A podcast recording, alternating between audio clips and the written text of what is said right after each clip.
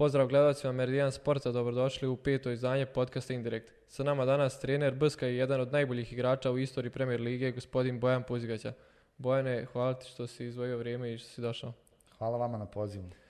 Evo, rekli smo, trener Brska, skoro je počela ta tvoja trenerska karijera. Kako izgledaju ti prvi dani? Pa dobro, ovaj, ja sam završio karijeru, kao što znate, ovaj, prije nekih dva mjeseca i odmah sam uplovio u te trenerske, ovaj, što se kaže, vode, preuzeo sam prvi tim Brska, prvi tim Brska ima, takmiči se u regionalnoj ligi. Imaju jako dobru ekipu, imamo cilj i plan da uđemo u drugu ligu Republike Srpske, idemo dobrim stopama, tako da vidjet ćemo dalje šta će biti. Da li su te neke ambicije Brska privukle da upravo to bude tvoj prvi klub u trenerskoj karijeri? Pa jeste, moram, moram priznati, ne mogu da, da krijem da, da nisu. Brsk ima ovaj, za cilj da uđe u drugu ligu Republike Srpske, ovaj, mislimo da je trenutno Brsk tu i cilj, Ovaj, neke stvari se zadnjih godina nisu poklopile sa Brskom, znate da je bio regionalna liga, pa još čak liga ispod. Ovaj, na današnji dan imamo, kažem, još jednom cilj da uđemo u drugu ligu Republike Srpske. Imamo korektnu ekipu, dobre momke, dobro rade, tako da nadam se da ćemo ustvariti to kraj maja. Od postoji ta trenerska ambicija kod tebe? Pa trenerska ambicija i ovaj, postoji dugi niz godina, zato što i pred kraj same karijere, a i tokom čitave karijere, uvijek sam nešto, od, imao sam dosta dobrih trenera, dosta različitih trenera i uvijek sam po nešto zapisivao. I pogotovo pred kraj karijere sam odlučio i znao sam da će doći da će doći kraj ovaj, igračke karijere i onda sam ovaj, i upisao ovaj, trenersku licencu, završio i onda sam se tako i odlučio, ovaj, iako, iako sam imao još, ajde tako kažem, igrački ugovor i onda sam se u dogovoru sa ljudima koji vode futbalski klub klub gdje sam završio karijeru dogovorio da, da samo nastavim da pređem u trenerske vode sa, u Brsk. Koliko je bilo teško završiti igračku karijeru? Dugo je trajala i bila je dosta uspjeha. Pa jeste, mogu, mogu reći tako, ali nisam sad od nekih da kažem jao kraj karijere pa šta sad. Nema, to je posao koji je trajao 17-18 godina, novi posao se dobio i trebamo ići naprijed i, i to je to. Je li bilo razmišljanja možda nekih tokom karijere da e, nakon završetka da se ne baviš e, trenerskom karijerom, nego neki posao u sportskom sektoru, recimo sportski direktor ili tako nešto? Pa jeste bilo, moramo, moramo sad opet reći e, za futbolski klub Krupa gdje sam završio karijeru, kad smo sjeli na zimu, ovaj, ljudi koji vode futbolski klub, klub Krupa su bili jako korektni prema meni i, i pitali su me da li da da li da ostanem da igram, pošto kažem još jednom imao sam ovaj, igrački ugovor, da li da ostanem da igram, da li da budem sportski direktor, da li da budem ovaj, trener pomoćni, da li da, samo gdje se ja hoću da se pronađem. Ja sam odlučio da, da idem, trebam ići korak po korak, ja uzeo sam Brsk, regionalna liga, pa polako. Taj Brsk, to je bio negdje, možemo reći, tako povratak u prvi klub, tu, je, tu su prvi futbolski koraci načinjeni, je li tako? Jeste, tako je. Ja sam se doselio u Banja Luku 99. godine iz Crne Gore. Ovaj, prijatelj moj, moram reći tako, me nagovorio da hajde da treniram prije, u to vrijeme, prije možda nekih 20, 22, 3 godine, nije bilo ko sad škola, futbala i mi smo uvijek igrali na školskom ili na ulici, tako, a on me nagovorio kao, ajde da pređeš u Brsk, tu smo svi, pošto smo živjeli tu u naselju, ajde da krenemo tu, da treniramo svi i tako je krenulo to te 99. godine, evo kako je sudbina ovaj, opet kako vrati na početak da krenem tu sa trenerskom karijerom. Od koje godine je to bilo? Od, to jest koje selekcije? To je od pionira, to je 99. 99. godina pioniri smo bili tada. Tad smo i krenuli. Da. Ko je tada bio futbolski uzor, na koga ste se ugledali negdje kad, kad ste krenuo Pa gen, generalno ovaj, nismo mi tada nešto ni puno gledali futbalske uzore, nije bilo tada koji sad interneta i da, i, i da gledamo mi, nama je bilo daj loptu i igra i, i ona samo po sebi je to dolazilo kasnije. A generalno, ovaj, kad se u nekim, nakon toga možda da ajde tako kažem, neki 6-7 godina i kad sam uzeo ovu poziciju da igram, onda je to bio Paolo Maldini. E, sjećaš se možda debija u seniorskom futbalu? E, naravno da se sjećam, to je bilo, e, sad ću vam reći tačno, u, protiv Drine u Višegradu. Ja mislim, ušao sam, kod trener je bio Zoran Smileski, ja mislim da je to bilo 2004. godine, ušao sam umjesto Aleksandra Galića. Uh, koliko izgubili, smo da. dva, izgubili smo dva, jedan. Koliko si zadržali, koliko si zadržao u Bsku i prelazak u Borac, kako je, kako je došao? E, ja sam, ja sam uh, igrao juniore, kompletno sam prošao, kao što sam rekao, omladinsku kategoriju Brska i jako dobro sam igrao u juniorima, jako dobro sam ovaj, imao učinak u juniorima, učinak u juniorima. Međutim, kako je tada sve kao po meni je bilo puno jače i puno, puno kvalitetnijih igrača je bilo tada nego u današnje vrijeme. Brsk je bio tada jako, jako dobra ekipa ovaj, koja je bila zajednička Liga Republike Srpske i ja nisam mogao dobiti šansu tu. Otišao sam godinu dana unaprijed, na, to se tako kaže kao na kaljenje. Poslije godinu dana naprijeda gdje sam stvarno dobro igrao, dao sam neki 12-13 golova, vratio sam se u Brsk 2004. 5. I, i onda poslije godinu dana još sam odigrao do, u Ligu Republike Srpske, standardno sam odigrao godinu dana i onda slijedi prelazak u Borac 2006. Od koga je došao poziv u Borac i ko je tad bio u, borac, u Borcu? E, poziv je došao od tadašnjeg direktora Gorana Đukića. On me, on me zvao, ovaj, naravno kao svi mi koji smo krećemo igrati futbal, bio je cilj da ovaj, maštamo da odigramo za naš klub za Borac iz Banja Luke. On me je zvao i tada smo ovaj, tada sam prešao u Banja Luku. Kako je izgledao doček u slačioncu Borca? Pa moram da kažem da, da, se, da, je, bio, da je bio dobar.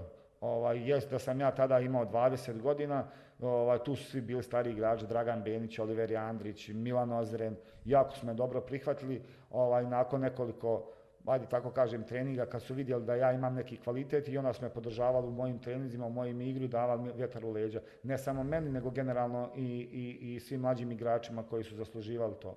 Koliko se bilo teško izboriti za startnu postavu u borcu tada?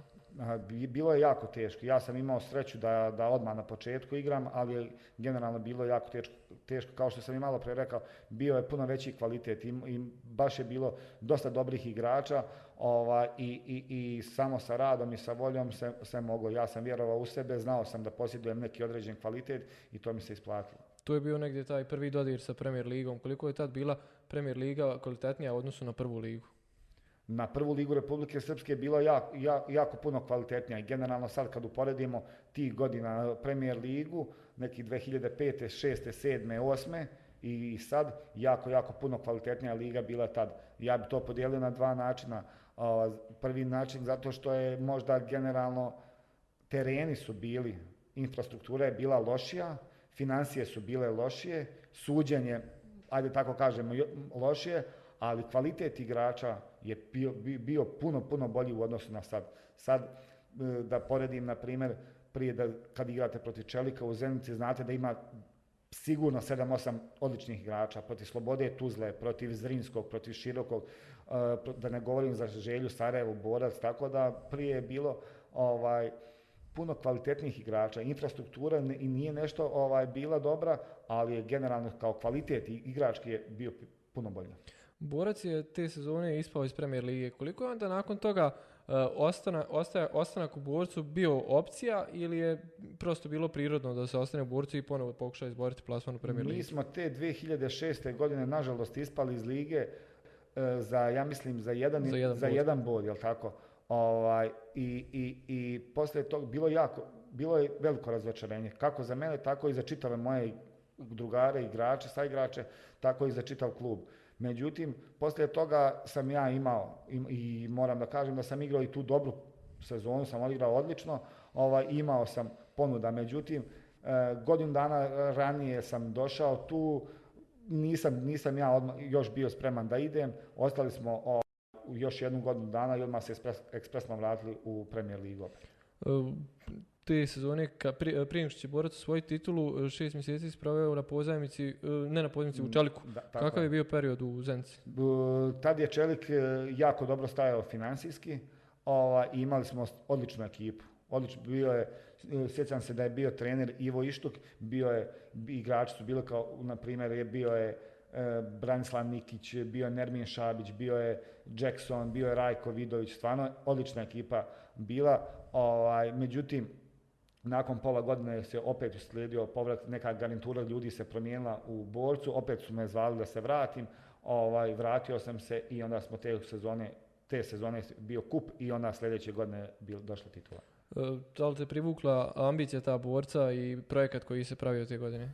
Tako je, ovaj, ambicije, su, ambicije su bile najveće, to moram da priznam i da to je tako bilo. Ljudi koji su vodili klubu su bili, ajde, bili su jaki, bili su generalno jaki i, i Banja Luka, oni su re- smatrali da Banja Luka ova, generalno kao grad i Borac kao klub smatraju da moraju biti u vrhu BiH futbala i to se je pokazalo i to je cjelokupna ta organizacija i to je bilo sve na jednom mogu reći tako slobodno visokom nivou i desio se kup i desila se do, ovaj, sljedeće godine titula, Bil, došli su dobri igrači i, i to, je, to je to.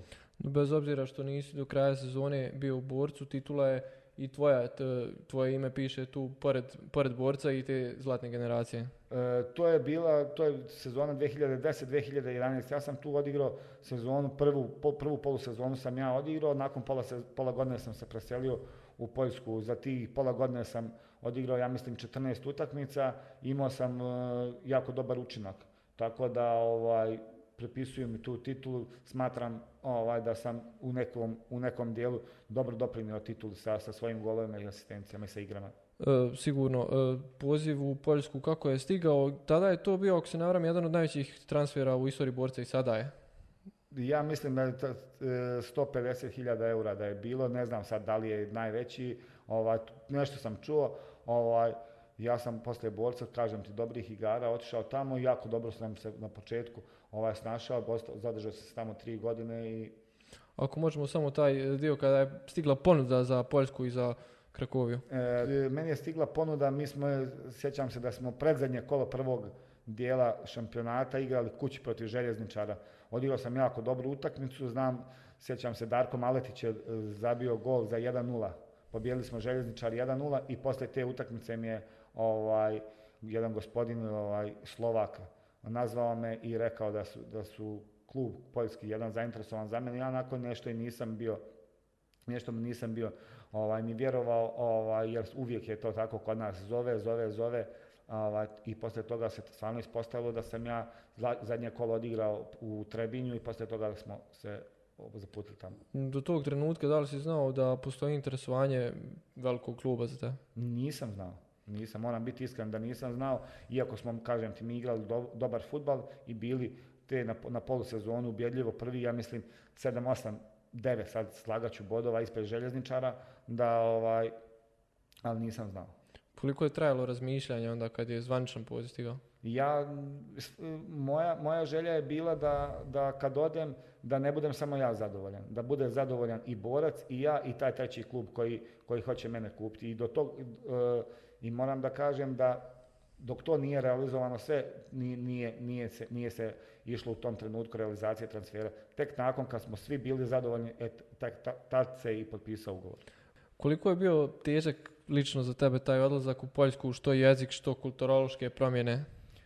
Pa ja sam, ja sam vidio da, da idem u jako lijep grad. To mi je bilo odmah na početku, odmah mi to proguglamo da vidimo šta, kako i pratimo mi to sve i znamo i kakav je klub i o kome se radi i ja sam imao sreću da mi imam prijatelja tamo i rekao mi je sve najbolje, ovaj, jako lijep grad, ovaj, i ja sam se dobro snašao. Što se tiče jezika, nisam imao neki pretjeranu barijeru ovaj, sa jezikom, opet kažem, bile su e, tri momka sa naših prostora koji su mi pomogli, a kasnije se nauči jezik. E, Koliko je trajao period prilagođavanja u Poljskoj? Pa nije se, nije se puno, o, nije puno trajao, ta- trajao taj period prilagođavanja. Ja sam otišao u januaru, za nekih 20 dana mi je do- došao i Vule Trivunović. I onda smo mi, ja kažem, imali neku našu malu balkansku koloniju, dva Slovenca, jedan Crnogorac, jedan momak iz Srbije, Vule i ja, i onda smo se držali zajedno i bez ikakvih problema smo funkcionisali. Kolika je bila razlika u kvaliteti tada Poljske ekstra klase i Premier lige? Da li je to bio prilično velik skok iz Premier lige? Pa u- moram reći da jest, moram reći da jest, iako, iako kao što sam, vraćam se ran- ranije što sam kazao, da je tih godina 2008. 9. 10. jako puno bilo dobrih igrača u Premier ligi, ali opet kad odete tamo na, na odlične stadione, na pune stadione, na arene, opet je velika razlika. I na puno bolje igrače. Za, na primjer, ne znam sad da kažem, evo, bio je u Legiji je bio Miroslav Radović, Aleksandar Vuković koji je legenda kluba tamo, u Visla je bilo puno reprezentativaca, što Poljske, što, što drugih zemalja. Tako da je velika razlika bila. Protiv koga je onda negdje bilo najteže igrati u Poljskoj ligi? Koji klub i koji igrač? Mm, Ja mislim da je pa protiv Legije, protiv Legije je bilo jako teško igrati. Oni su imali jako dobru ekipu. Bio je čak e, jako puno naših igrača. Daniel Ljuboja je bio, ovaj, bilo je jako teško protiv Leh Poznana, isto je bilo do- dosta igrača, oni su tada bili dva puta šampioni, ovaj, ali je bilo, do- kažem, bilo je teško igrati, ali je bilo i uživanje igrati protiv njih. Koja je razlika bila u terenima tada u Poljskoj u odnosu na Premier ligu? Opet se vraćamo, te nek- to, je, to su neke godine kada nisu tereni i stadioni u Premier ligi bili na najvišem nivou. Mm, Tako je, ja, sam, ja imam sreću da sam došao tamo 2011. godine, a 2012. je bilo Europsko prvenstvo u futbalu koje je organizovala Poljska i Ukrajina. I onda su tereni, svaki grad je imao ogromne terene, velike stadione, arene i, i to je i dan danas, to su stadioni pod 30-40 hiljada mjesta, ovaj, pogotovo Varšava, Poznan, eh, Gdańsk, Krakov, oni imaju stvarno velike terene, velike stadione, veliki broj armije navijača i onda je to stvarno puno. Kakva je ta futbolska kultura u Poljskoj? Koliko se razlikuje u odnosu na Bosnu i Hercegovinu? Recimo, na Poljskoj, Poljska nacionalna televizija ima e, samo odvojen dio za sport gdje svaki dan ide neka emisija za sportu ili neka utakmica. To ovdje kod nas i nije toliko slučaj, iako vrijedimo za naciju koja jako voli futbal. Da, mi, mi se ovdje kad imamo, na primjer, ove godine je počela Premier Liga, e, emisija poslije kola je krenula u 10. 11. kolu, to je tamo nezamislivo.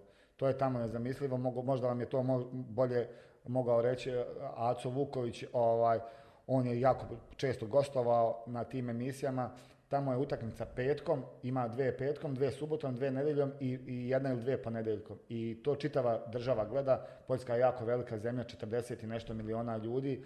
E, bilo koji grad, kad je utakmica, to je praznik futbala. Oni, to je bukvalno praznik, porodica ide na utakmicu, oni imaju svoje procedure, čit, e, sedam dana se radi, igra se ovaj, utakmica, šest dana se radi, sedmi dan se ide na utakmicu i to tako se prenosi. Oni su jako slični Njemcima, blizu su tu, graniče se.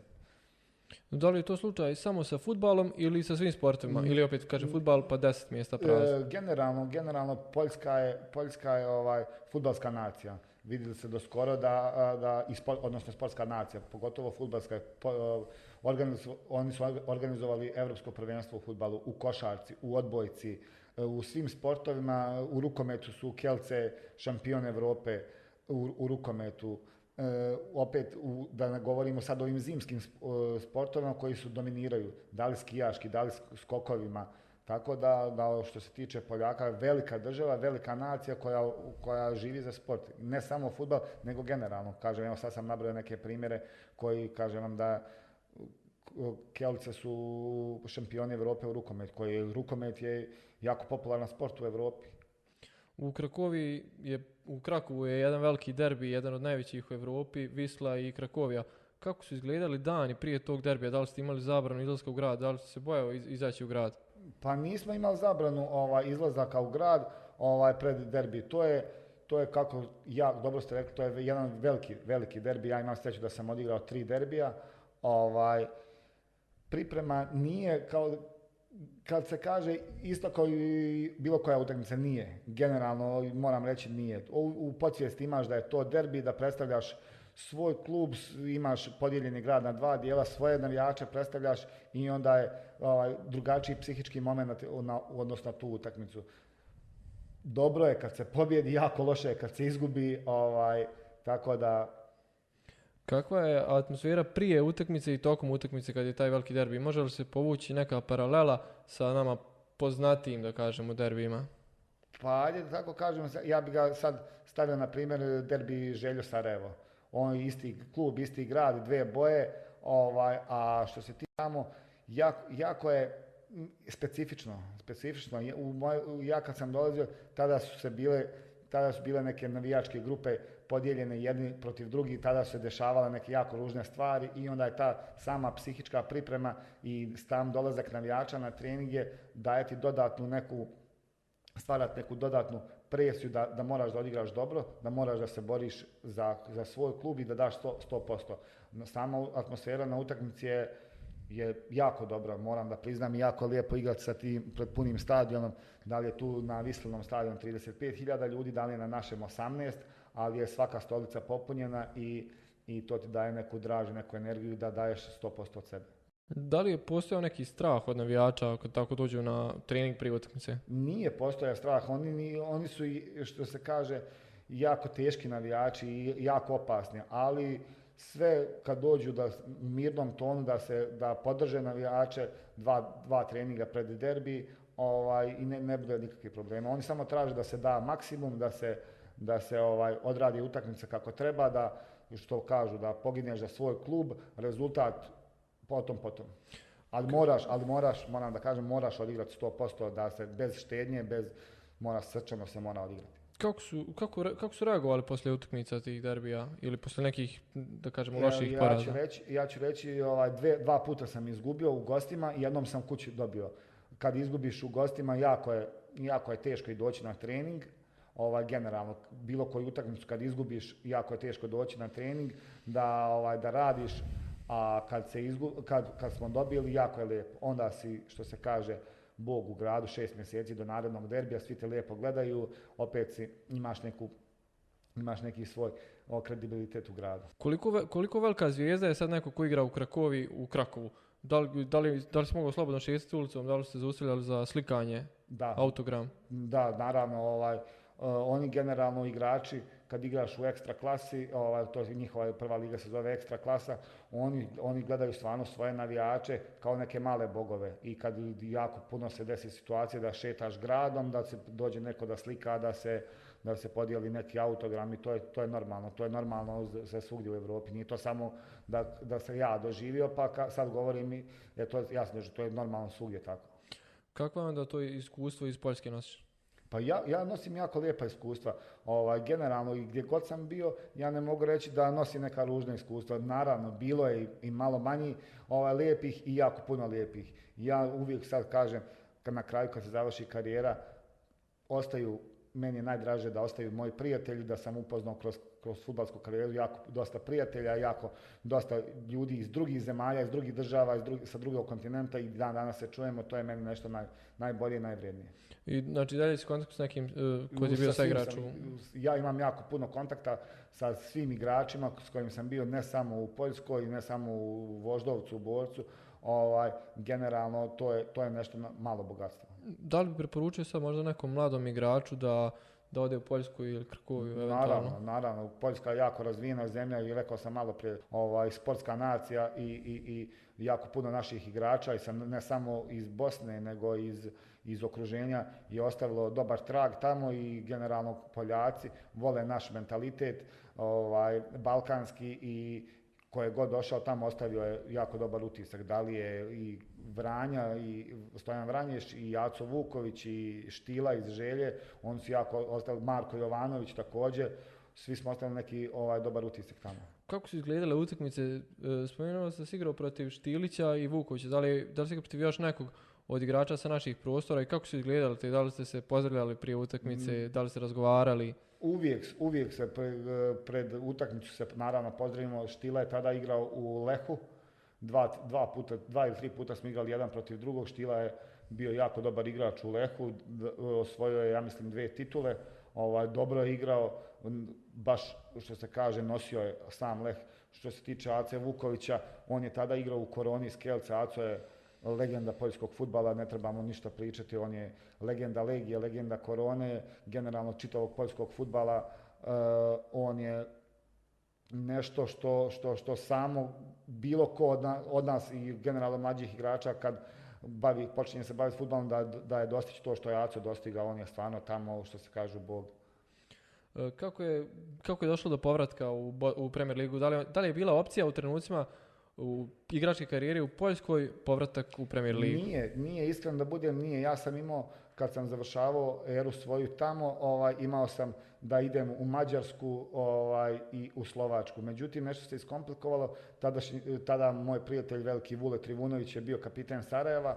Ovaj, on je u razgovoru sa tadašnjim šefom Husrefom Usemićem, ovaj, mene, mene su kontaktirali, zvali su me da dođem. Ja na, na početku nisam bio zato da se ovaj, vraćam u Bosnu. Ovaj, čekao sam, međutim te neke stvari koje sam čekao nisu se ne- nešto poklopile i sama ta činjenica da je Sarajevo veliki klub privukla me još je, kažem još jednom, ovaj, bio Vule tu, ovaj, gospodin Husrev Mosemić je bio tu, oni su me zvali, došli smo i, i nisam, nisam požalio. Što, je, što se najviše privuklo kod Sarajeva? To su, ako ne varam, godine kada je bil, e, koje, su, koje su prekretnice za Sarajevo kada je ušao privatni kapital u klub i negdje odakle je krenula ta ekspanzija Sarajeva? Pa da mene je privuklo to da generalno Sarajevo je najveći klub u Bosni i Hercegovini, ovaj, jedan od najvećih klubova u Bosni i Hercegovini, ovaj, da ja sam došao tamo, kažem, na preporuku Vuleta i Husrefa, ovaj, i, i opet kažem, nisam, nisam žali, za, zažalio Sarajevo, Sarajevo ovaj, nije, nije, nisu bile neke, ovaj, da kažem, uspješne godine zadnjih, na primjer, 6-7 godina nisu bile uspješne. Pokušali smo on uz njegov nagovor, ajde pokušamo da napravimo neki dobar rezultat. Došao sam, napravili smo neki do, dobar rezultat, nešto se, nešto smo uradili i tako. Da, ajde napravimo ne, taj neki uvod. E, kako je izgledala prva sezona u Sarajevu, kada je osvojen kup? E, mi smo... Mi Promijenilo se i trenera, izvinja. Da, bio je gospodin Husraf Musemić je bio ovaj, prvi pola godine trener. Mi smo igrali, do, došli smo do polufinala i, i, i bili smo, ja mislim, jedan bod iza Zrinskog. Iza Zrinskog, bili smo drugi na tabeli. Neočekivano, gospodin Husref Musemić je dobio otkaz što je nas sve iznenadilo. Poslije toga je na zimu je došao gospodin Robert Jarni i međutim mi nismo mi nismo se nismo dobro igrali, nismo dobro igrali, da li razno razne situacije se desile tu, nismo dobro igrali. Poslije, poslije gospodina Jarnije došao je gospodin Dženan Šuplić, nekih 7-8 kola zadnjih gdje smo mi bukvalno, gdje nam je stala sezona za 7-8 kola, on nas je opet posložio, vratio, vratio nam neko samopouzdanje, osvojili smo kup i izgubili smo titul isto, ja mislim, za jedan bod od Zrinskog. E, kako, je, kako, je, kako su igrači reagovali na smjenu tada Husrefa Musamića i kako je bilo kad toliko trenera se za kratak vremenski rok prođe, kako se bilo priviknuti igraču? E, pa ja moram reći odmah što se tiče smjene gospodina Musemića, generalno nisu igrači nešto što mogu promijeniti.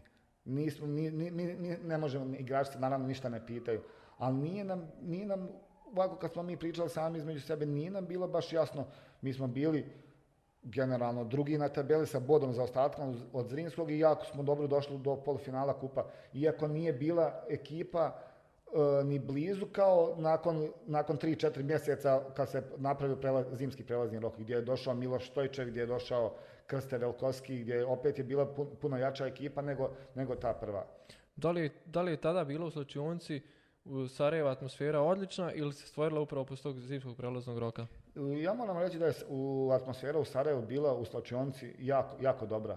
Generalno momci su svi, momci su svi bili dobri, ovaj, željeli smo taj uspjeh što se, i što se tiče za klub i generalno za nas lično. Ovaj, i, i ne mogu ne mogu da kažem da nešto da nije bila da nije bila atmosfera atmosfera je bila super e, ja mogu da pohvalim da, da, da smo pa sigurno kad odemo na piće ode nas 10-12 igrača i to je, to je to što nas je držalo i što je dalo rezultat na kraju. Da, naredna sezona za Sarajevo je, ako se ne varam, bila do dan danas jedna od najuspješnijih. Da, tu, e, naredna sezona je onda bila osvojena titula gdje se napravila ovaj, do, jako dobra ekipa sa jako dobrim igračima. Ovaj, na početku je ovaj, bio gospodin uh, Meho Kodro, ovaj, trener, međutim nakon nekog perioda nije, nije nastavio saradnju sa nama, bili su neki, bila neka kriza rezultata, a opet moram da kažem da je gospodin Meho Kodro jako dobar trener, jako dobar čovjek koji je čovjek došao iz Španije, iz Barcelone, ovaj, gdje smo mogli puno toga naučiti, međutim nisu se, nisu se neke stvari poklopile, opet se vratio ovaj, Dženano Ščuplić koji nas je vodio do, do kupa, vratili se 11 kola do kraja i ovaj, ja mislim da smo 11 kola 10 pobjedili i odigrali smo Remi uh, kući sa željezničarom i osvojili titul. Te sezone Sarajevo je bilo izuzetno uspješno u europskim kvalifikacijama. Prvo kolo izvlačenja, opet dobili ste jako teškog protivnika i neugodnog Haugesund, ta prva utakmica izgubljena je kod kuće. Kako, kako je bilo na toj utakmici da to, posle tog poraza? Pa jako teško je bilo poslije tog poraza zato što generalno ovaj, od, bili su pet potencijalnih protivnika, ovaj, ja mislim da su bili Azerbejdžan, Lihenštajn i ne znam jako još ko, ovaj, mi smo dobili najtežeg. M Norveška, M je put dalek, e, ali mi smo tu utakmicu, sjećam se da smo odigrali jako dobro, jako kvalitetno, mislim da smo imali 30 preko 32 šuta u, prema golu, 20 u okvir gola. Međutim, nismo uspjeli. Nismo uspjeli ovaj, da pobjedimo i bili smo jako razočarani. Znali smo da nešto ne odgovara, da nam, ali smo opet igrali, ovaj, igrali smo jako dobro i kad, smo, kad je utakmica završena, kad smo krenuli onako tužni prema navijačima i prema tunelu, čitav stadion aplaudirao kao dobro je bilo, a međutim mi smo izgubili utakmicu. I onda je uslijedio revanš, uslijedio je revanš tamo ovaj, u Norveškoj, opet kažem, jako, dugo, jako dugo putovanje, pet sati leta, ovaj, prvih pola sata je bila, pa, znam da je na početku utakmice bila paklena vrućina. Paklena vrućina je bila prvih pola sata, Hauge su oni puno bolji protivnik. Međutim, golom Miloša Stojčeva, fenomenalnim golom sa 30 metara je bilo 0-1, 2-0 je ovaj, poslije, ja mislim, u prvom polovremenu je bilo 2-0 i onda 2-1, 3-1 i, i prošli smo na kraju. Da, ali i to je bilo onako poprilično teško s obzirom da je na 2-0 ostalo si igrača manje. Da, uh, joj, ko je dobio? Na 2-1. Na 2-1 smo ostali sa igračem manje, međutim nama je 2-1 odgovaralo. Koliko se sjećam, Džemal Berberović je dobio crveni karton 15 minuta prije kraja i onda je bilo jako teško da odbranimo to jedna kontra. Onda smo realizovali jednu kontru, Bilbija je dao do Šefka Okića i onda je on izašao jedan na jedan na golmana i zabio gol. Da, i nakon, nakon toga opet jedan jako težak protivnik. Kako je reagovala ekipa na izvlačenja Tromitosa? Pa opet nakon pet potencijalnih protivnika gdje smo trebali dobiti neke, koliko se sad sjećam, Maltežane, Gruzine, ovaj, Letonce, mi smo dobili Atromitos koji je u toj sezoni igrao najbolji futbal u Grčkoj gdje je dva puta pobjedio i, i Olimpijakosa i Panathinaikosa. Međutim, prvo, prva utakmica kući odigrali smo jako dobro. Jako dobro smo odigrali utakmicu, ovaj, gubili smo 1-0 pa 1-1 i izgubimo gener, utakmicu smo izgubili 2-1, ali generalni utisak je bio da smo jako dobro odigrali i da se imamo čemu nadati tamo.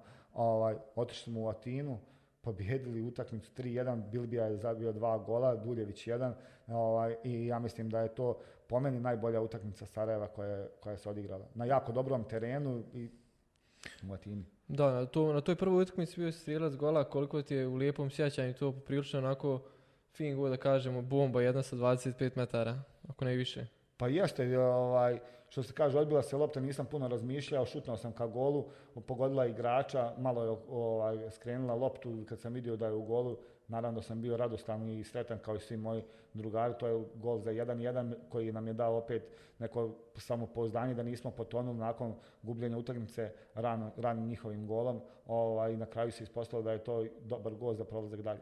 Da je jedna thriller utakmica u revanšu, koliko ste bili motivisani i da li ste vjerovali u pobjedu kad ste išli u Atini? Mi smo, mi smo, ja moram da kažem, kad smo išli tamo prema Atini, ovaj, o, u avionu smo mi govorili, pogotovo i mlađi igrači su govorili, pitali nas, možemo mi, po, možemo mi pobijediti, možemo mi pobijediti. Ja sam rekao, mo, možemo, naravno, to, to zna sami Radovac, sad igrač Veleža, mi smo se, ajde tako kažem, bacili neku opkladu, on je rekao, man teško ćemo mi pobijediti, ja sam rekao, man ne skiraj se, pobijedit ćemo. Kaže on, mi, ja moram da pobjedim, da kupim iPhone, jer su bile dobre premije, pa kao da kupi iPhone. I toliko smo bili sigurni da ćemo dobiti utakmicu ovaj, i tako se ispostavilo. Kad smo došli tamo, vidjeli smo da je perfektan teren, što je nama jako odgovaralo, jer smo imali takve tipove igrača poput Miloša Stojčeva, poput Cimerota, Bilbije, Duljevića, Krste Velkovskog, ovaj, koji vole loptu nogama i koji vole da igraju. I teren je bio perfektan i na samom zagrijavanju smo mi vidjeli da smo, ono odmah kad se kaže, vidi se na zagrijavanju da smo mi ti, da, da možemo, tako je krenula utakmica 1-0, 0-1, 0-2, 3-4 šanse, primimo go iz prekida koji realno nismo trebali primiti, ovaj, ali opet u produžetku koji smo igrali 120 minuta, ovaj, nadigramo takvog jednog protivnika kao Atromitosa. Kako je skupiti snage kada se poslije to dve izuzetno zahtjevne utakmice, da kažemo 180 teških minuta, kako je skupiti snage za odlučujućih 20? Pa energija, energija, energija je cilj koji te vodi, ideja ta koja i šta, šta možemo dobiti, šta možemo izgubiti i onda, onda generalno čitava, čitava ekipa je živjela za taj uspjeh. I onda niko se nije ni, ni, ni žalio ni na umor, ni, ni ništa. Mi smo to skupili snagu, odigrali, i, išao nam je rezultat u korist i, i pogotovo kad je Bilbija dao gol za, za 1-3 i onda tu nije bilo nikakve prepreke više. Da, oba ta dvomeča riješena su na gostovanjima i na drugim utakmicama. Da li postoji nešto što vam je Džanan Učuplić e, rekao nakon prvih utakmica ili na poluvremenu te druge utakmice, što vas je motivisalo dodatno? Nije nama ništa on, nije nama ništa on pretjerano govorio. Ja opet kažem, protiv Haugesunda prvu, prvo kolo smo mi šutnuli 30 puta na gol, 20 u okvir gola. Međutim, ta, nije, nije se desilo, taj dan nije išlo. Ovaj, sljedeći, sljedeći utakmica u gostima se ispostavilo da smo tri puta, ja mislim, ajde tako kažem, tri puta, četiri puta u okvir gola, dali smo tri gola, a na prvu utakmicu 30 puta smo šutili, 20 u okvir nije ušla. Ovaj, tako i ta, ta druga utakmica. Jako dobro smo igrali prvu utakmicu kući, nismo dali gol, golove što smo trebali dati. Možda druga utakmica smo dali golove gdje nismo trebali, ali je tako, to je to, futbal je to. Nakon toga još jedno teško izvlačenje, kako je generalno, kako je žrijeb bilo, niste imali sreće u tom žrijebu, kako, kakve su reakcije bile?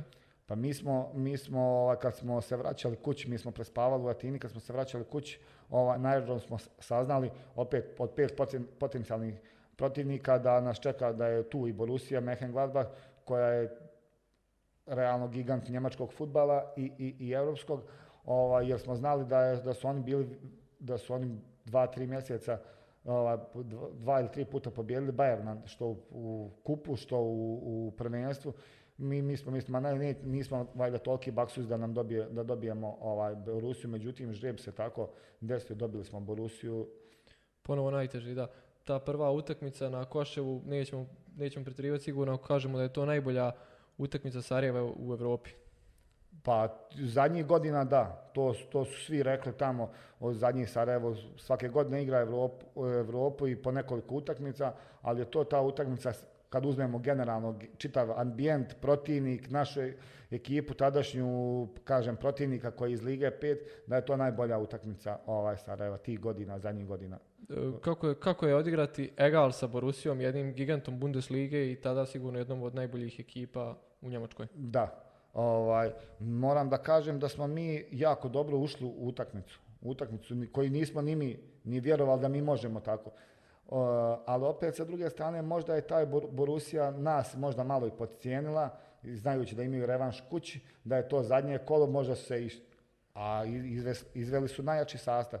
I onda možda smo mi dali, opet kažem, možda smo mi dali 120% mogućnosti, a oni 80%. Međutim, utakmica je, kad se okrenula se tako kako se okrenula, mi smo odigrali jako dobru utakmicu, dva i tri igrača su odigrala fenomenalnu utakmicu, poslije toga su napravili inostrane angažmane, transfere ovaj, i, i, i ostalo je tako kako je ostalo. A kako izgleda priprema za Borussiju Mönchengladbach? Ma ništa specijalno da kažem, pravo ovaj, mi smo uporedo igrali ovaj, i prvenstvo i prvenstvo i spremali, spremali smo se ko naj, ono, najobičniju utakmicu. Trener nam je rekao da je to naš trenutak, da uživamo, šta god da se desi, niko ni, od nas u klubu i od kluba ne očekuje da mi izbacimo jednu Borusiju Dortmund. Samo je bilo cilj da, da, ovaj, da uživamo igri, da prezentujemo klub i, i grad na najbolji mogući način.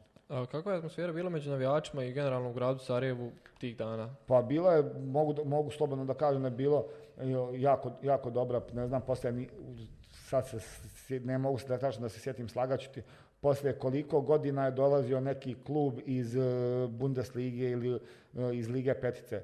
Tako da svi su jedva čekali, svi znaju ko je, ko je Borussia Dortmund, šta je Borussia Dortmund, svi, smo, svi normalno pratimo igre Borussia Dortmund, igrače Borussia Dortmund, ko je sve igrao tada u to vrijeme u, ovaj, u, Borus, u Borussiji Mönchengladbach, pardon. Ovaj, i, i, znali smo da je da, da igramo protiv jedne od najboljih ekipa u Bundeslige. Ovaj, sam, sam roster njihov je, je to pokazivao. Odigrali smo jako dobru utakmicu, po meni izgubili smo 3-2, iako smo primili dva gola takva kakva smo primili, ali bože moj. Da, iako si igrao lijevog beka i na toj utakmici osjeća upamćen tvoj pogodak, legenda kaže da komentator sa Face TV da je sanjao da ćeš dati gol. Ma to sad, evo, ovaj, kad, kad pričamo moje drugovi Sarajeva, on kaže da je me slučajno pogodila lopta, tako ja kažem, slučajno me pogodila lopta, je, ovaj, to je, ja mislim, za 1-1 bilo, ovaj, po meni jako lijep gol, jako drag, ovaj, i to je to. Kakav je adrenalin kad se doživi erupcija na stadion? Jeste bio jako, jako dobar adrenalin i, i, i pravo da ti kažem, u, u, u skoku sam osjetio da me lopta pogodila, kad sam vidio loptu da je, da je u mreži, onaj, to ide tako splet nekih okolnosti, ideš, trčiš, raduješ se, ovaj, pun stadion je bio jako lijep osjećaj. Kakav je osjećaj dan danas te snimke kada gledaš sa te utakmice, to je nešto što ostaje za uvijek? A joj, nisam gledao taj snimak, ne pamtim, ali, ali generalno sad sam sin zna pogledati to pa kaže, ovaj, tata Blagoce što se dao. Generalno to ostaje za istoriju, ovaj, za neki, ovaj, za pokazivanje njima, ovaj, ali je jako lijep osjećaj, pogotovo sad ono sve što, sve što se više stari i sve što se više vremena prolazi, to je ne samo u futbal, nego generalno nekim stvarima u kojim si bio uspješan, ovaj, ima veću vrijednost. Da li je tačno sad da je mjesto Borusije, da je došla neka druga ekipa, da bi Sarajevo vrlo vjerovatno moglo reći da se ima jednu pa, grupnu pa fazu? To, pa to svi kažu, to svi kažu, svi su toga mišljenja da samo da nije bila Borusija, da je bio, na primjer, nemam pojma, ja mislim da je bio Young Boys, da je bio da je bio Honved iz Mađarske ili slagaću neko da je bio, svi su mišljenja bili da bi, da bi, ovaj, da bi mi mogli to preći još i tu prepreku. Nismo, nije došlo, ne možemo mi, šta je bilo, bilo je, ne možemo mi vraćati ovaj, vrijeme da igramo ponovo, dobro je kako je bilo, ne, treba, ne trebamo se žaliti na šta. Sudbina je tako htjela da dođe Borusija i ona je došla i otišla i hvala Bogu. Koliko je trajao žal nakon tog dvomeča sa Borusijom i da li ga je uopšte bilo? Pa nije, nije, nije pretjerano trajao žal, zato što smo mi, još jednom kažem, mi smo znali ko, ko dolazi. Sami, sami do jučer smo gledali te igrače na TV-u, da je bio jedan tu, jedan Max Kruze, da je tu bio jedan uh, Kramer, da je tu bio uh, Johnson, da je tu bio Štrancel, da je tu bio Hrgota, tu su igrači koji svi igraju, od njih 20 igra 18 reprezentativaca drugih zemalja ili, ili Njemačka, Andre Han ili ne znam nijako. Ovaj, tako da nije bila neka pretjerana žal. Koja je to dimenzija futbala u odnosu na Premier ligu tada? Ma jako velika, jako velika dimenzija, ne može, ne može se to porediti, to se generalno ne može porediti. I mi to što smo odigrali 3-2, to smo odigrali tad i Bog zna kako, kako bi se odigrali. Evo, poslije, poslije toga smo mislili da možemo i da smo mi ti, pa smo otišli tamo na revanš i onda nismo dobro prošli. Iako smo na revanšu prvi pola sata bili bolji, imali smo tri, dve, tri šanse, jedan na jedan s golmanom, ovaj, ali nismo uspjeli dati gol opet kažem, ko zna šta bi bilo da je bilo, ne treba se vraćati to na toj... Kako izgleda nakon utakmice protiv Borusije Gladbach igrati protiv neke ekipe iz Premier Lige? Ti prvi dani poslije tog dvomeča? Pa ja, poslije utakmice, poslije Gladbacha, ja, kad smo izgubili, mi smo prvu utakmicu igrali kući, sjećam se, protiv Travnika. I odigrali smo 2-2. I, i gubili smo, gubili smo 2-0. Gubili smo 2-0, ovaj, jer smo mi svi u glavama bili i psihički nismo bili dovoljno pripremljeni za utakmicu, jer je to, mi smo igrali u četvrtak, odmah smo došli igrati u nedelju o, ili u subotu večer smo igrali protiv, protiv Travnika i nismo dobro prošli, odigrali smo 2-2. Kako, kako reagovati onda kad odigrate jednu egal utakmicu sa Borusijom, a teško je pobijediti Travnik? Pa mi, kažem još jednom, mi smo vjerovatno, taj adrenalin nas je još ovaj, držao protiv Borusije i vjerovatno, koliko se sjećam, vjerovatno smo ušli lagano u utakmicu, da li smo mi pocijenili tu ekipu, mislili smo da smo mi samo da izađemo, da ćemo pobijediti, međutim, znam da poslije prvog poluvremena smo gubili, i, ja mislim 2-0 ili 2-1 i da smo, da smo dobili, da smo zabili još jedan gol, da je bilo remi 2-2. Kako su vas posmatrali na, e, navijači nakon dvomeča protiv Borusije Mehengladbach? Pa protiv Borusije Mehengladbach ovaj, iz dva meča Ovaj, ja moram da kažem da, da smo mi bili kao je klapa i super je bilo sve, međutim kad odigraš opet nismo došli, o, mi smo otišli, otišli kući odigrali 2-2 protiv Travnika, nije bilo dobro. Nije bilo dobro, prije tri dana su te dizali u nebesa, a, jer smo zaslužili to, a nakon tri dana kad smo odigrali kući gdje se borimo za titul, odigrali smo sa Travnikom 2-2 i onda baš opet nije bilo dobro. Bile su neke relacije od wow pa do dole. Um, nastavili ste tu sezonu, tu sezonu i Sarajevo osvojilo titulu, tako? Da, tu, smo, tu sezonu smo osvojili titulu. Ovaj, kažem, kao što sam malo pre rekao, došao je gospodin Meho Kodro za, za, za trenera. on se zadržao nekih šest mjeseci, međutim, tri, četiri utakmice nismo odigrali dobro na našem nivou kao što smo, kao što smo trebali odigrati. Ovaj, ja mislim da smo jednu izgubili, dve neriješeno, gospodin Meho Kodro je dobio otkaz, poslije toga je došao Dženano Šuplić, 11 kola prije kraja, 10 utakmica smo pobijedili, jedno smo odigrali neriješeno i osvojili titulu. Ko je najzaslu... Ko je... Može li se izdvojiti neko ko je najzaslužniji za tu titulu? Pa ne znam, ne mogu sad ja da kažem da je neko, da je neko zaslužan, ne bi ovom ne, ni, ne bi bilo ni fair, ni korektno. Ja mislim da je svako dao neki svoj doprinos. Neko malo manji, neko malo veći, ali generalno i mi smo tim, futbal je timski sport i nas je 25, koliko nas je bilo, 23, 25, svao je dao neki svoj udio, da li neko malo manji, neko malo veći, ali je generalno nas 25 tu bilo. E, pričali smo i prije, tad je atmosfera bila idealna među vama igračima. Jeste, bila je, moram da pohvalim da je atmosfera bila tada jako dobra. Ovaj, predvodnici za dobru atmosferu su bili Tatomirović, Dupovac, Džemal Berberović, e, Miloš Stojčev, Leon Benko, bilo je stvarno dosta dobrih igrača tu, ovaj, Nemanja Bilbija. Kako se podizala atmosfera tada u Sarajevu? Ma joj, oni su imali sve neke svoje šale, pošalice, pa u, u slačionici, opet kažem, ovom prilikom to je 100% ovaj, da li je, bio je Todorović iz, iz što igra sad u Zrinskom, on, on je isto bio tu, ovaj, bilo je tako određenih igrača ovaj, koji su dizali, dizali atmosferu. E, da li nakon tog, nakon odlaska iz Sarajeva i nakon svega toga, da li ste se i dalje okupljali ta generacija, da kažemo, šampionska? Jesmo i dobili smo poziv da, da, da, da prije neke utakmice da kao da se pozdravi, kad je Šarevo poslije toga bilo šampion nakon tri godine, pa da dođe ta naša generacija da, da uveliča to, tu manifestaciju. I dan danas imamo Viber grupu gdje se dopisujemo, gdje se šalimo. I dan danas smo na, na, na što se kaže, na okupu. Ko je najaktivniji u toj Viber grupi? Krste Velkovski. šta piše Krste? Svašta nešto. Šalje klipove sa domaćih filmova. Dobro, jasno. E, nakon, e, nakon Sarajeva uslijedio je odlazak, odlazak u Voždovac, tamo, tamo te je dočekao Vladan Grujić. Da, nakon Sarajeva ovaj, ja, sam, ja nisam bio zato da, da, na, da nastavim karijeru u BH, ovaj, Premier Ligi. Ovaj, imao sam neki ponuda, ovaj, međutim sam čekao, čekao, čekao i pravo da kažem nisam, nisam, nisam dočekao. Uslijedio je poziv, a prije toga naravno ovaj, neki dvadesetak dana moj veliki prijatelj Vladan Grujić koji je legenda BH futbala, on je bio u, u Voždovcu i zvao me da dođemo, da dođem tamo, da budemo zajedno, da Voždovac ima dobru priču, da pravi dobru ekipu, da se treba ovaj, da se uđe u Europu. Ovaj, ja nisam bio, pravo da ti kažem, nisam bio zato, čekao sam ovaj, jer sam imao dobru, dobre dve godine u Sarajevu, ovaj, imao sam dobar učinak, tražio sam ovaj, ovaj, da idem u inostranstvo, međutim nešto se iskomplikovalo, nisam i na nagovor opet kažem mog velikog prijatelja Grujića otišao sam u Voždovac. Kakva je, kakav je futbol bio tad u Srbiji? Koja je razlika bila? Opet se vraćamo na to Premier lige i Super lige. Pa dobro, opet je ovaj, u odnosu na, na, na, na, na u Sarajevo, mi smo tada imali jako dobru ekipu. Mogu samo da kažem da, da na primjer, dva puta smo igrali e, na pripremama sa Partizanom gdje smo i pobjedili.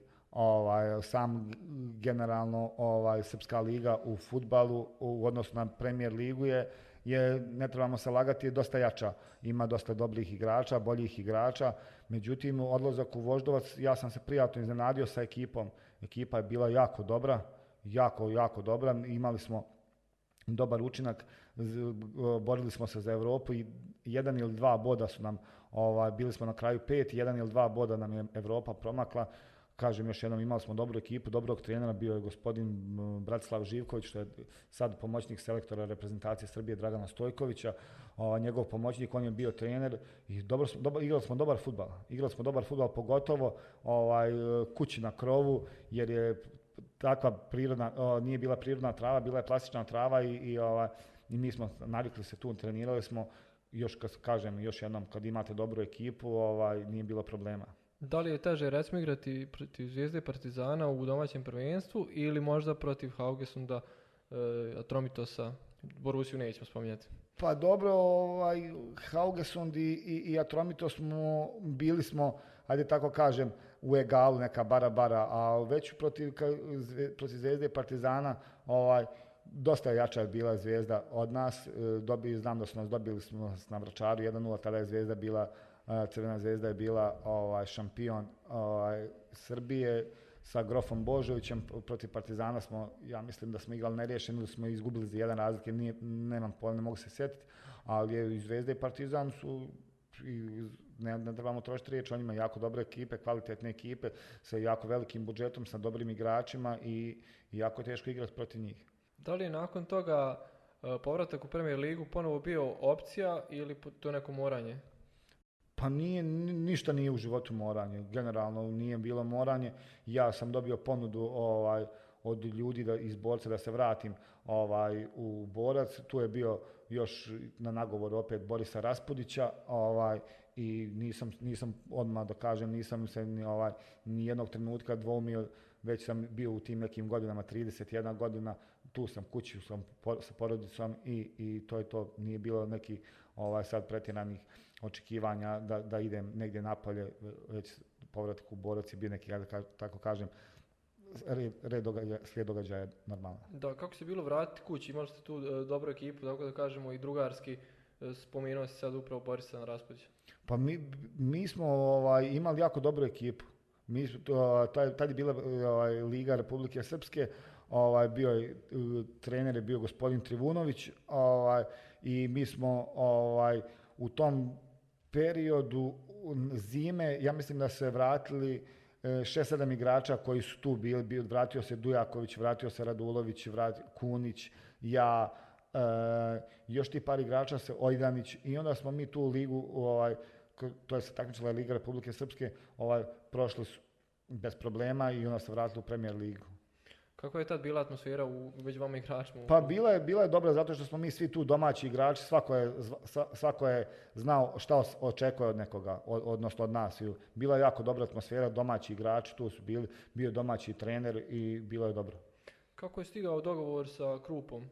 Da se tamo završi karijera? E, sad, ja sam odigrao, poslije toga kad sam se vratio, odigrao sam još dvije godine u Borcu, poslije toga ovaj, takva situacija je bila ovaj, u Borcu da nismo mogli nastaviti ovaj, dalju saradnju ovaj, i, i od, ljudi iz klupe su me zvali, zato, mi smo generalno ovaj, sa ljudima iz klupe imamo jako dobro o, saradnju i mimo futbala, ovaj, oni su me predložili da ja, da ja nastavim da igram u Krupi, Ovaj, I ja nisam, opet kažem, bio sam, imao sam 33 godine, nisam bio spreman da idem negdje da igram premijer ligu, na primjer u Tuzlu, u Bijeljinu, da, da idem daleko od porodice. Ovaj, ljudi iz Krupe su tu bili, dogovorili smo se vrlo lako i, i, i nastavio sam gore saradnju sa njima. Kakav je taj period u Krupi? Krupa je igrala, vratila se u premijer ligu s tobom? Da, meni, je, meni je, ja sam bio dve godine u Krupi, ovaj, moram, nosim jako lijepe uspomene. Krupa je klub, ja kažem mali klub, ali tako je organizovan klub i za, za, pogotovo za mlađeg i, evo, i generalno i za starijeg i za mlađeg igrača gdje imaju sve uslove, gdje ljudi koji vode taj klub izdvajaju sobstveni novac, gdje, imaju, gdje se u klubu ima stvarno vrhunski uslovi od od e, treninga samog, od oporavka za trening, od oporavka za utakmicu, od suplementacije, da ljudi vode stvarno računa na, na, za sve. To je, to je stvarno, u, u, u, nije to neki, nije neki luksuz za, za, za, kad pričamo za neki evropski, ali za nas, za Bosnu i za okruženje, to je klub za, za, za respekt. Da se onda malo vratimo na Premier ligu i ovu sezonu. da li je možda Krupa napravila pogrešnu procjenu pri ulasku gdje nedovoljno pojačala svoj igrački kadar koji je dominantno prošao kroz prvu ligu i onda puno veći kvalitet premijer lige. Ma, da, ti, da, ti, kažem, nije, nema sad Krupa ovaj, puno, puno ovaj, lošiju ekipu, iako stanje na tabeli kaže da je Krupa za nje, nema Krupa ovaj, ovaj, puno lošiju ekipu, na primjer od ostalih ovaj, ekipa koje, koje se bore za opstanak za njim. Mi na, na, na, početku, se, na početku prvenstva imali smo i jako puno nesreće. I imali smo protiv 3-4 ekipe, 3-4 utakmice smo stvarno pokazali puno, na primjer protiv Slobode Tuzle, protiv radnika i u Bijeljini gdje napravimo 4-5 šansi gdje imamo 3, dve stative, prečku, ne, ne, da, ne dajemo go. Tako da ja, ja se nadam da će se Krupa izvući iz ovog svega, imaju, kažem, dobru infrastrukturu, dobro, dobro rade svoj posao, treba vjerovati u to, mislim da imaju korektnu ekipu, da nemaju ekipu da se ispadne iz lige i, i, i ja im želim da, da ostanu u ligi. E, do kraja osala, tu ti možemo reći 10 kola, 10-11 e, kola, Krupa je prošlom kolu nadigrala Sarajevo na Koševu. Da li, da li je to pokazatelj da onda u tih zadnjih utakmica, bez obzira na bodovni zaostatak, da može, može doći do opstanka? Pa i... Da je to sasvim realno? Pa ja vjerujem da, ja vjerujem da može. E, koliko, ja sam bio na utakmici protiv Širokog brijega gdje Krupa odigrala jako dobru utakmicu, s obzirom da Široki brijeg jako dobro igra da je Široki brijeg uvijek Široki brijeg. Ovaj, protiv utakmicu protiv, gdje su izgubili protiv Mladost dobro, kakav nisam gledao, čuo sam da, da nisu dobro odigrali, međutim sad protiv Sarajeva su odigrali jako dobru utakmicu. Nije, nije ni malo jednostavno, nije ni malo lako nadigrati Sarajevo, da, da pustite Sarajeva u, u, u zadnjih 15 minuta na svoju polovinu, ali to je neki cilj ovaj, i neka nada za dalje da, da mogu, napraviti, mogu napraviti dobar uspjeh. Ja bih volio da, da, da, da, da naprave, zaslužuju po svim imaju, kažem još jednom, dobru infrastrukturu, do, ovaj, dobre uslove, dobre, dobre generalno za, za, za mladog i za igrača, za premijer ligu, sve što igrač poželi, kažem još jednom, od, od saune, bazena, džakuzija, da je to stvarno, stvarno ljepota. Da li borac ispunjava očekivanja od ove sezone za sada? Ja I mislim, igrama i i ja mislim da ispunjava borac i ko klub uvijek treba da teži da, da igra ovaj, minimum Europu i generalno i borac kao klub i, i Banja Luka kao grad treba da, da, da borac bude broj jedan, ali isto tako mislim da borac i da Banja Luka treba da ima dva premijer ligaša, kao Sarajevo ima tri, do prije par godina je bila i Slavija, pa je bilo u Sarajevu četiri premijer ligaške ekipe, Bijeljina ima, imala, ima dva, Tuzla ima dva, mislim da, da, da Banja Luka treba da, da, da isto ima dva, Borac i Krupu.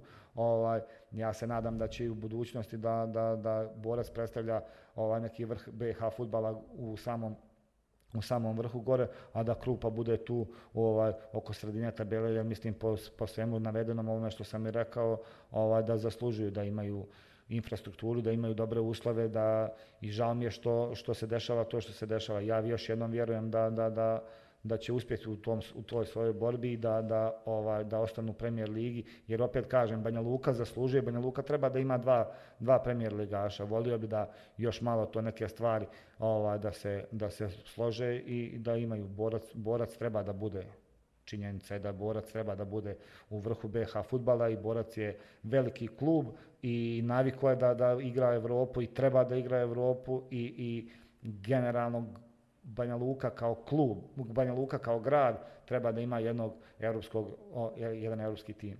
Kako se čini ove sezone Premier Liga, može se reći da je nikad zanimljivija, Sarajevo je tu svoju prednost istopilo za neka 3-4 kola. Pa Liga se, i prije nego što je počela Liga se, Liga se podijelila. Liga se podijelila na, na šest ekipa koja će se boriti za titulu, odnosno za Europu i šest ekipa koja će se ovaj, boriti za sami opstanak u, u Premier Ligi Bosne i Hercegovine.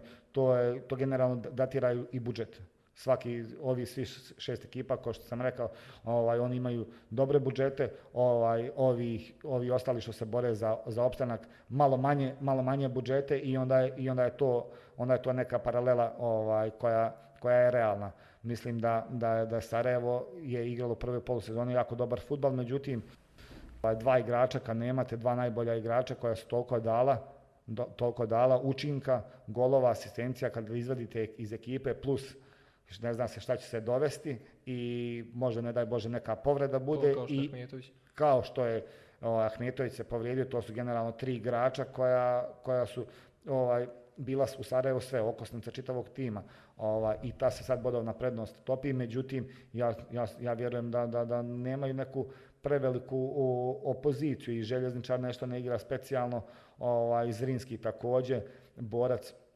Borac je krenuo dobro igrati i ovaj i ja mislim da će da će osta, Borac generalno ostati u Europi. E, da li, bi, da li bi s ovim trećim takmičenjem koje dolazi sad u Europi Liga konferencija, da li će biti neuspjeh ako jedan od klubova iz Bosne i Hercegovine ne bude igrao grupnu fazu tog takmičenja, naročito šampion, koji će, da kažemo, imati taj neki slijed da i prilikom svakog ispadanja ide u sljedeće takmičenje? Pa ja mislim, ja mislim da, da, da Bosna i Hercegovina, znamo svi da nikad nije imala predstavnika u grupna faz Lige Europe. Ja mislim da je neki, neki red i neka, neka, što se kaže, moranje neko da se igra u toj ligi, konferen, ligi konferencije. Ja mislim da bi prvak Bosne i Hercegovine trebao da igra to i ulažu se velika sredstva i veliki novci se ovaj ulažu i mislim da, da, je, da je vrijeme da, da Bosna i Hercegovina ima predstavnika u, u to, tom takmičenju. E, za kraj, kolika je čast, ti si izabran za tim decenije Premier Lige i tim decenije Sarajeva. Koliko je, koliko je to za tebe značilo? Pa ja, kao što sam i rekao u, u, prethodnom razgovoru, ovaj, to je, to je bilo, to je bilo, to je istorija, to je samo što, što više starimo, to, to će se manje o tome pričati, ja imam neko svoje zadovoljstvo što se toga tiče, da je čast bilo, jeste, ovaj, pokazatelj, to je neki, neko moje, neka moja satisfakcija da sam možda u tih deceniju 10-15 godina dobro radio, vjerovao u to i da sam pokazao na neki način i da se to is- isplatilo. Ovaj, lijepo jeste, ovaj, to je za neke pokaz, za pokazati svojoj djeci, ali i Da li Premier Liga napreduje, to sam želio pitati. E, Ti si tu negdje od već dugi niz godina, vraćao si se dva, tri puta. Hronološki možemo reći da li Premier Liga ide uzlaznom putanjom ili nizlaznom. E, Pa ja, kao što sam rekao, ja podijelio Premier ligu, na primjer, od prije nekih 15 godina i sad, e, što se tiče infrastrukture, suđenja i, i financija. Ovaj, prije nije bilo, nije bilo takvo, ovaj, kao što je sad, na primjer, i koliko toliko su tereni, tereni dobri, to, koliko toliko je se suđenje popravilo, financije su puno bolje nego, nego prije, svake godine sve bolje i bolje, međutim, prije nekih desetak godina je bilo jako puno kvalitetnih igrača, kvalitetnih, futbalskih kvalitetnih igrača, kažem vam, da kad odete igrati protiv Zeni, u Zenicu, protiv Čelika, u, protiv Slobode Tuzle, protiv Želje Sarajeva, Zrinskog, Širokog, da su to opet bili neki igrači koji, koji su baš, baš bili dobri, baš imali dobre karijere i, i, i, i kako bi rekao, davali, davali notu tom svom, tom, svom, to- tom svojoj ekipi da, da, da, da, da imaju uspjeh. Hvala puno na, na ovom razgovoru. Hvala vama. Želim svu sreću u daljoj karijeri. Hvala vama također. E, Hvala što ste gledali, bio je ovo Bojan Puzigać.